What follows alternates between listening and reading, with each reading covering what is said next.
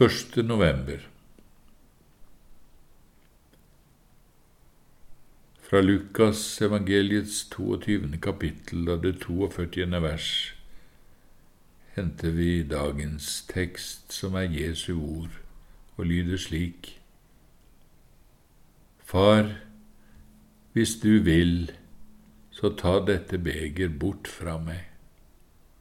Men la ikke min vilje skje, bare din vilje. Rosenius skriver Og måtte bare øynene våre bli åpnet, så vi får se det Gud er aller mest opptatt av, hans aller største hjertesak, at menneskene må bli frelst. Det som drev ham til jorden som et menneske, som gjorde ham til et offerlam så han svettet blod, lot seg pine, korsfestes og drepes. Da blir det en veldig trøst å få be. La ikke min vilje skje, bare din vilje. Framfor alt er det nødvendig at vi vet og virkelig tror, jeg er overbevist i dypet av vårt hjerte om at Gud i all evighet aldri vil noe annet enn at vi skal bli frelst.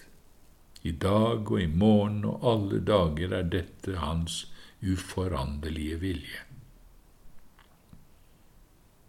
Men denne Hans aller største hjertesak, din frelse som mål, kan han måtte la mange og store prøvelser ramme deg. For at du skal nå målet, det evige liv i himmelen, lar han ditt utvortes menneske brytes ned. Lar store vanskeligheter ramme deg, kanskje det aller vanskeligste som at du mister noe av det du har mest kjært på jorden, noe du følelsesmessig var smeltet helt sammen med, noe som var kjærere for deg enn ditt eget liv. Da rykker kanskje døden bort en av dine kjære, kanskje din ektefelle eller ditt kjæreste barn. En annen mister plutselig alt han eier. Kanskje onde mennesker fratar deg det som er enda mer dyrebart, ditt gode navn og ditt rykte. En annen rammes av en uhelbredelig sykdom, osv. Og så mange smertefulle opplevelser denne jammerdalen har for sine vandringsmenn på jorden. Hvis hjertet vårt da bare blir opptatt med det vi kan se med øynene våre, kan vi totalt miste motet. Men hvis du, som Asaf, får nåde til å gå inn i Guds helligdom, får se det evige målet for livet, evighetens alvor, får se vår trofaste Guds omsorg og mål med å sende deg alt dette, da skal du få se at det er din sjels frelse han tenker på.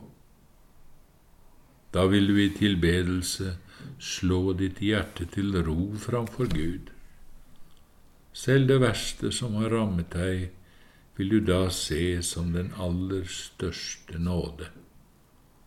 Eller vet kanskje du hvor store lidelser du må gjennom for at du skal bli frelst og bevart for himmelen? Vi spør igjen, vet du det?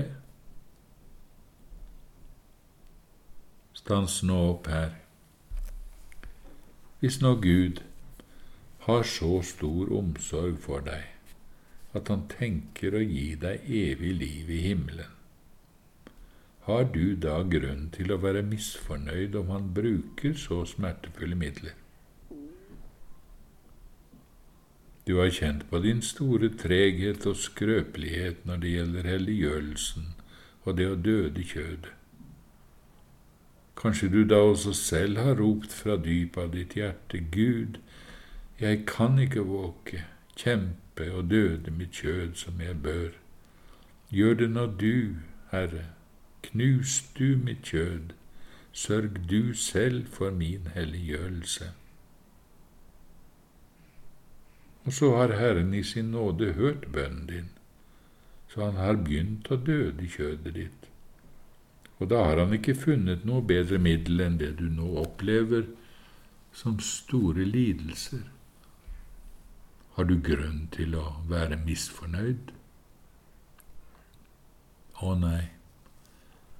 Be Gud om en ydmyk og stille ånd, så du i ditt gamle menneskes hardeste dødskamp kan be Far, ikke som jeg vil, men som du vil. Det er bare dette som gir grunnlag for å overgi seg, ja, overgi seg til døden, si farvel til dette livet, til all tanke på noen jordisk lykke, og så vende hjertet sitt mot evigheten. Denne bønnen lærer vi i Getsemane. Der presser pinselen og dødens gru denne bønnen fram fra Jesu gudfryktige hjerte. Er det mulig, da ta dette beger bort fra meg. Likevel tilføyer han straks, men la ikke min vilje skje, bare din vilje. Her lå seieren. Deretter kunne han si med lettet ånd, skal jeg ikke drikke det begeret som min far har gitt meg? Har en bare fått gi seg over til døden, blir også smerten lindret. Men, sier du, hadde det bare vært min far som sendte meg denne prøvelsen, men jeg ser jo at det bare er onde mennesker som står bak alt dette. Det er hedningen i hjertet ditt som sier det og som har flere guder.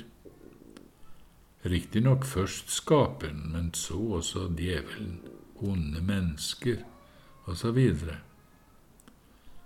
Hvis du isteden trodde det Skriften lærer at det bare er én Gud som regjerer over alle andre makter i himmelen og på jorden og i helvete, så djevelen ikke kunne røre jobb uten at han fikk lov til det så verden ikke kan røre et hår på hodet vårt uten at vår himmelske Far vil det. Da vil du få se at selv det onde mennesker gjør mot deg, det har vår allmektige Far bestemt, selv når det gjelder ondskapens form og omfang. Da vil du ikke se menneskene, men bare se Gud i alt som møter deg. Skriften lærer at det er Herren som sender oss lidelsene, også når det skjer gjennom onde mennesker.